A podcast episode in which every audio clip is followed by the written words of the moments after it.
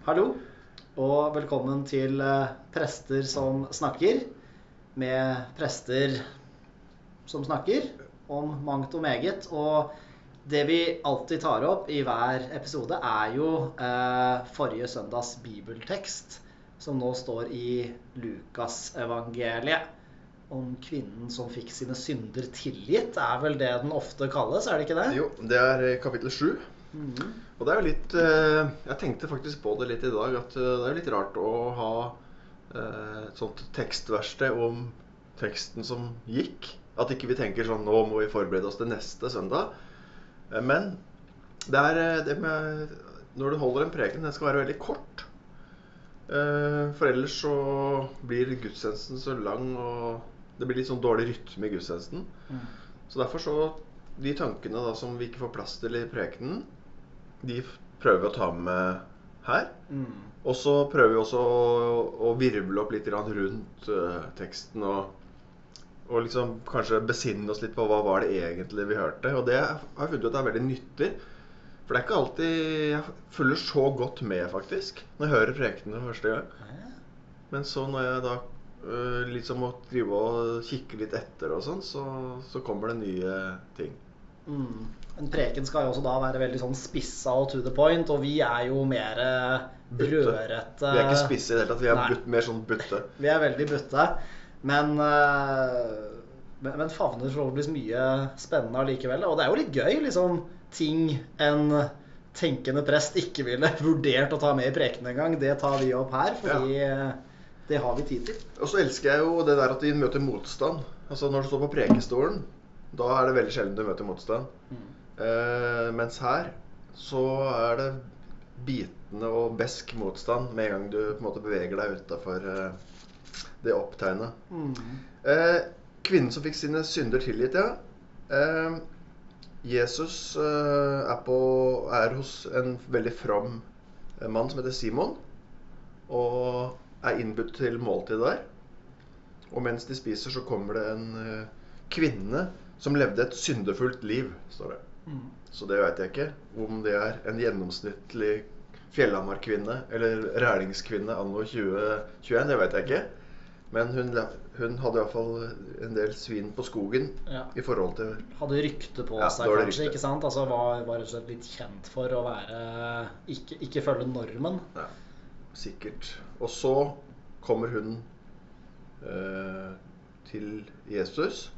Hun stilte seg bak Jesus nede ved føttene og gråt. Og det som du ble overraska over, Espen, var jo at eh, Magne han hadde jo litt inside information der. Mm. Eller i hvert fall kom en påstand jeg ikke har hørt før. At, eh, at Jesus og kvinnen de, de hadde møttes før. Og det forklarer litt om på en måte den direktheten hun møter Jesus med, kanskje. da. At uh, det er en brå takknemlighet over kanskje noe han sa til henne, eller opplevelsen hennes av å være sammen med han. Og dette her er en takknemlighetshandling. Jeg har jo alltid liksom lest teksten og bare tenkt at vet du, det, det her var det som skjedde når Jesus var et sted. liksom. Da bare kom damer og kasta seg ned og grein. Kanskje ikke akkurat, men, men i hvert fall i dette tilfellet. Og så er det jo morsomt at de som sitter der, veldig høflige og, og ordentlige folk, og så ser de at hun kommer, så tenker de æsj. Det var ekkelt. Ikke sant? Og Jesus, han burde jo da, i deres øyne, så burde han også reist seg og sagt æsj, dette var ekkelt. Men isteden så sitter han der og, og på en måte blir med på det som skjer. Han lar seg, han lar seg på en måte betjene av den eh, kvinnen. Mm. Så tenker de Hadde dette vært en ekte profet, så ville han skjønt hva som var i ferd med å skje, og så ville han gjort det rette. Mm. Hadde han bare visst hva slags Ja. kvinne, tror jeg til og med det står, Mm. eh, som gjør dette, så ville han og det, og det bygger jo på denne ideen ikke sant, om at Gud og da også Jesus og, og Guds profeter har en hellighet ved seg som ikke kan røre ved det som er urent. Og at det er en sånn barriere denne dama nesten bryter når hun da kommer og, og tar på Jesus og vasker føttene hans. At hun, hun er ikke verdig å gjøre det, hun, i, i disse mennene. Så de var vel sannsynligvis menn, de fleste av de. eh, tilstedeværelse. Mm. Men så, så er, skjer det typiske at istedenfor at Jesus tar det opp direkte, så forteller han en Så kommer han med en eksempelfortelling. Mm. Eh, hvor, hvor han snakker om, eh, om, en, om to menn som hadde gjeld hos en pengeutlåner. Den ene har stor gjeld, og den andre har gigantisk gjeld. Eh, og så får begge gjelden ettergitt. Og så sier han hvem tror du elsket eh, mannen mest? Ja. Han som fikk ettergitt mye, eller, eller han som fikk ettergitt lite? Og så eh, er jo Fordelingen er jo åpenbar. Mm. At den som har fått ettergitt mest, elsker mest. Eller i hvert fall viser mest takknemlighet, er Ja. vel han sier der. Mm. Og så etterpå så sier han Men det står faktisk de hvem av dem vil da holde mest Holde av. mest av, ja. Ok. Ja. Så, også, så, Mm. eh, og så, så sier han at det, slik er det også med denne kvinnen. Det er hun Mm. som Hun holder mest Hun er den som holder mest av meg. Mm. Og alle dere som sitter rundt bordet og meg, viser meg verdighet. Men hun er den som elsker mest. Mm. Og det er jo eh, sprengstoff inn i den eh, samtida der.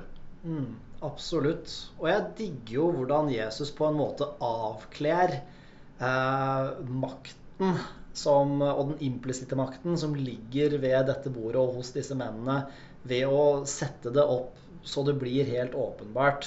En tenker jo at det, det, det er jo litt sånn som en annen fortelling jeg elsker, med Nathan og David. Hvor kong David har stjålet kona fra en mann og fått den mannen drept. Og han synes ikke å skjønne sjøl at det er gærent. Og så får han fortalt en fortelling sant, om en mann som har masse sauer, og en annen mann som bare har ett lite lam som han elsker som om det var barna hans. Og så, kommer det, og så kommer det en gjest til han rike, og han finner ut at jeg har så mange sauer, men jeg har ikke lyst til å ofre noen av de, så da stjeler han lammet i stedet og slakter det og serverer det. Og så blir jo kong David sint ikke sant, og sier 'Hvem i alle dager gjør noe sånt nå?' Og så får han svaret 'Du, du har gjort det, David'. Du tok noe som ikke var ditt. Eh, Du som allerede har så, fått så mye fra Gud, du tok noe fordi du ville ha det. Og litt på denne måten her òg, ikke sant. Ok, to mennesker skylder penger. Én skylder mer enn den andre. Begge får gjelda ettergitt. Hvem, hvem blir da mest takknemlig? Hvem, hvem holder mest av? Og det er åpenbart. Men fram til nå så har sikkert Simon tenkt at ja, men det gjelder vel ikke for han. Nei. For han, han har jo gjort så rett og skjell for seg, ikke sant. Men jeg, jeg må innrømme at jeg kjenner meg igjen jeg, i den uh, I at, hvor effektivt det er. For jeg, noen ganger når jeg ser filmer og sånt, eller Mm. serier, så ser jeg hvordan noen oppfører seg. Så tenker jeg Oi, det var ille. Og så går det en liten så tenker jeg ja, men det ligner jo faktisk på noe jeg har gjort, eller noe jeg gjør. Mm. Altså, Det er ikke så fjernt fra min måte å handle på. Og så tenker jeg da dette er jeg nødt til å ta, gjøre noe med. Mm. Så at, at, og det å få sett det for seg i en sånn forteller, en fortelling, Mm. det gjør at det, det, no, det blir mer gjenkjennbart. Da. Mm. Så det er en, et utrolig effektivt uh, grep.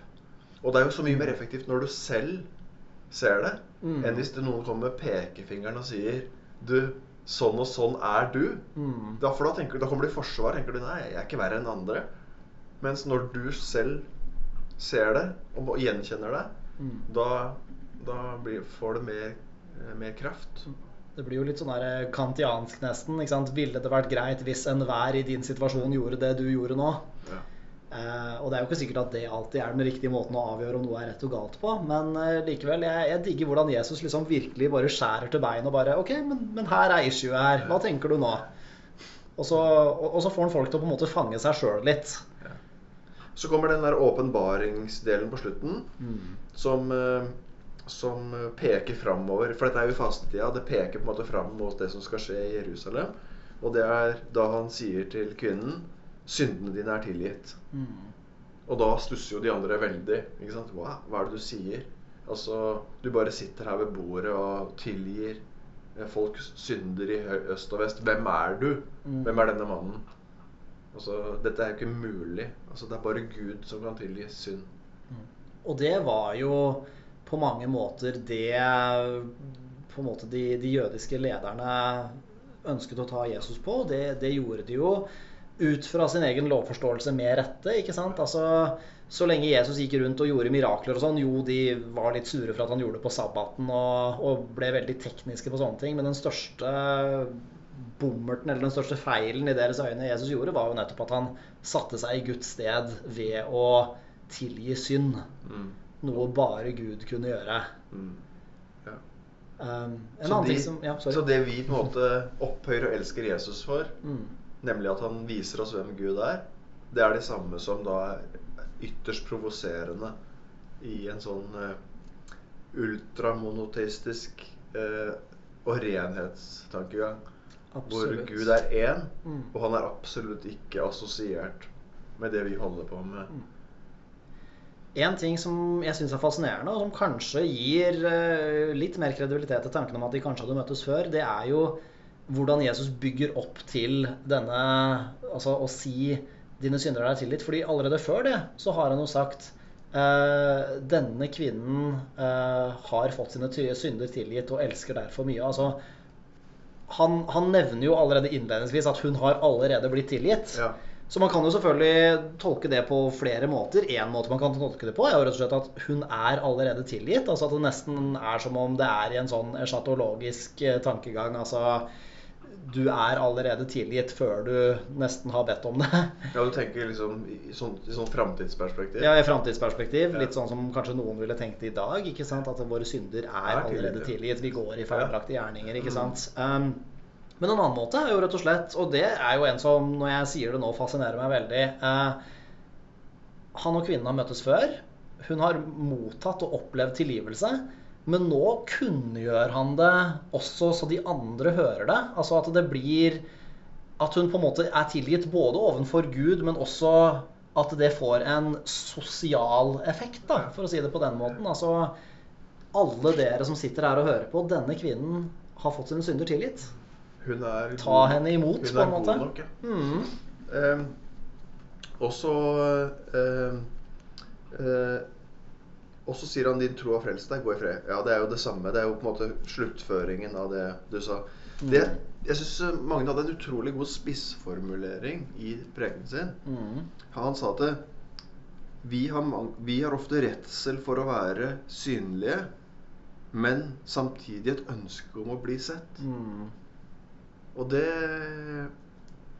Det tenker jeg sånn eh, det, det er på en måte ganske sånn presist uttrykt. Altså det det er, det er en stor Det har sin pris å være synlig, men det er enda verre å bli oversett eller å bli ignorert. Mm.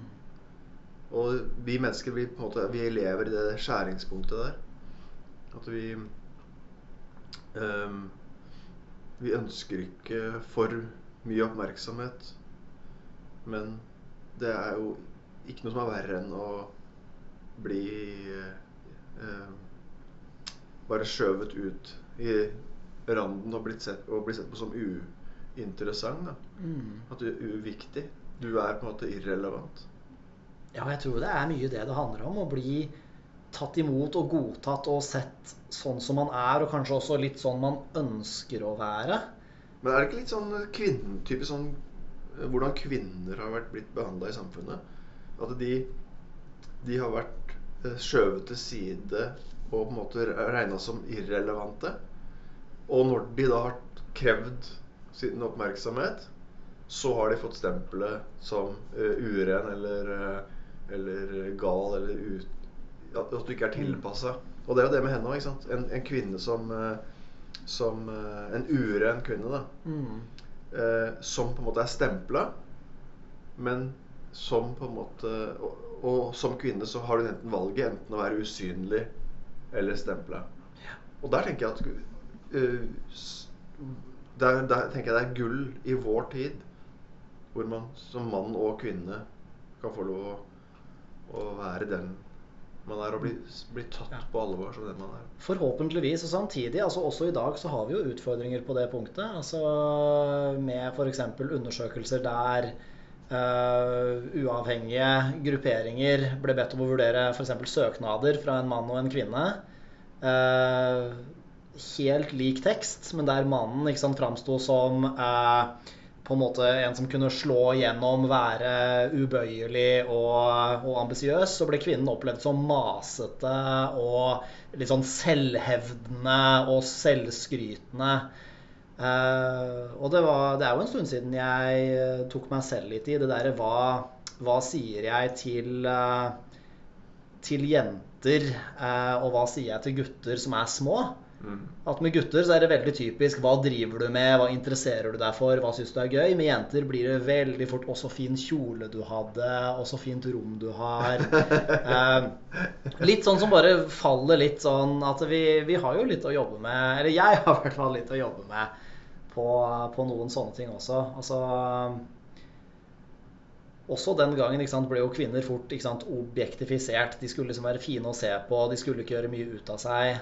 Mm. Og Bibelen gjør jo en kjempejobb i å vise fram kvinner som får uttrykke seg, som får snakke og dele tankene sine. Mm. Og denne kvinnen sier jo ingenting, men hun er superuttrykksfull.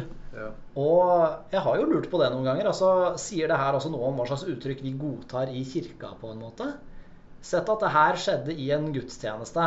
At uh, en kvinne løp opp til alteret og begynte å grine midt under nattverden eller noe sånt noe. Ja, jeg håper jo. Og jeg, jeg har utfordra meg selv på at hvis noe sånt hadde skjedd i en gudstjeneste, så ville jeg godtatt det. Jeg ville omfavna det, og om ingenting annet på en måte instruert menigheten at dette her er helt greit. Ja. Hvis flere vil komme opp, så vær så god. omtrent. Eh, for det har jo skjedd. Ja og, eh, Men jeg- jeg og nettopp tror- fordi det har skjedd, har jo jeg gått med den derre Hva hvis det var jeg som var prest den dagen? Hva ville jeg gjort? Ville jeg tatt imot, eller ville jeg stått og bare Oi, oi, oi. Jeg tror du ville Jeg tror du ville fiksa det. Håper det, altså. Jeg tror du har kommet så langt. Men dette er jo også så langt vi kommer i dag. Mm. Eh, vi skal møtes neste uke, og, den, og nå til helga er det jeg som skal preke. Og teksten er kjempevanskelig og krevende, så det blir spennende å se hva jeg klarer å få ut av det. Så sjekk eh, gudstjenesten som eh, kommer til å eh, både skje fysisk og bli strømmet. Eh, så få med deg prekenen til Åsmund, og så ser vi fram til å sees neste onsdag. Stemmer. Ha det bra. Torsdag. Guds fred. Guds fred.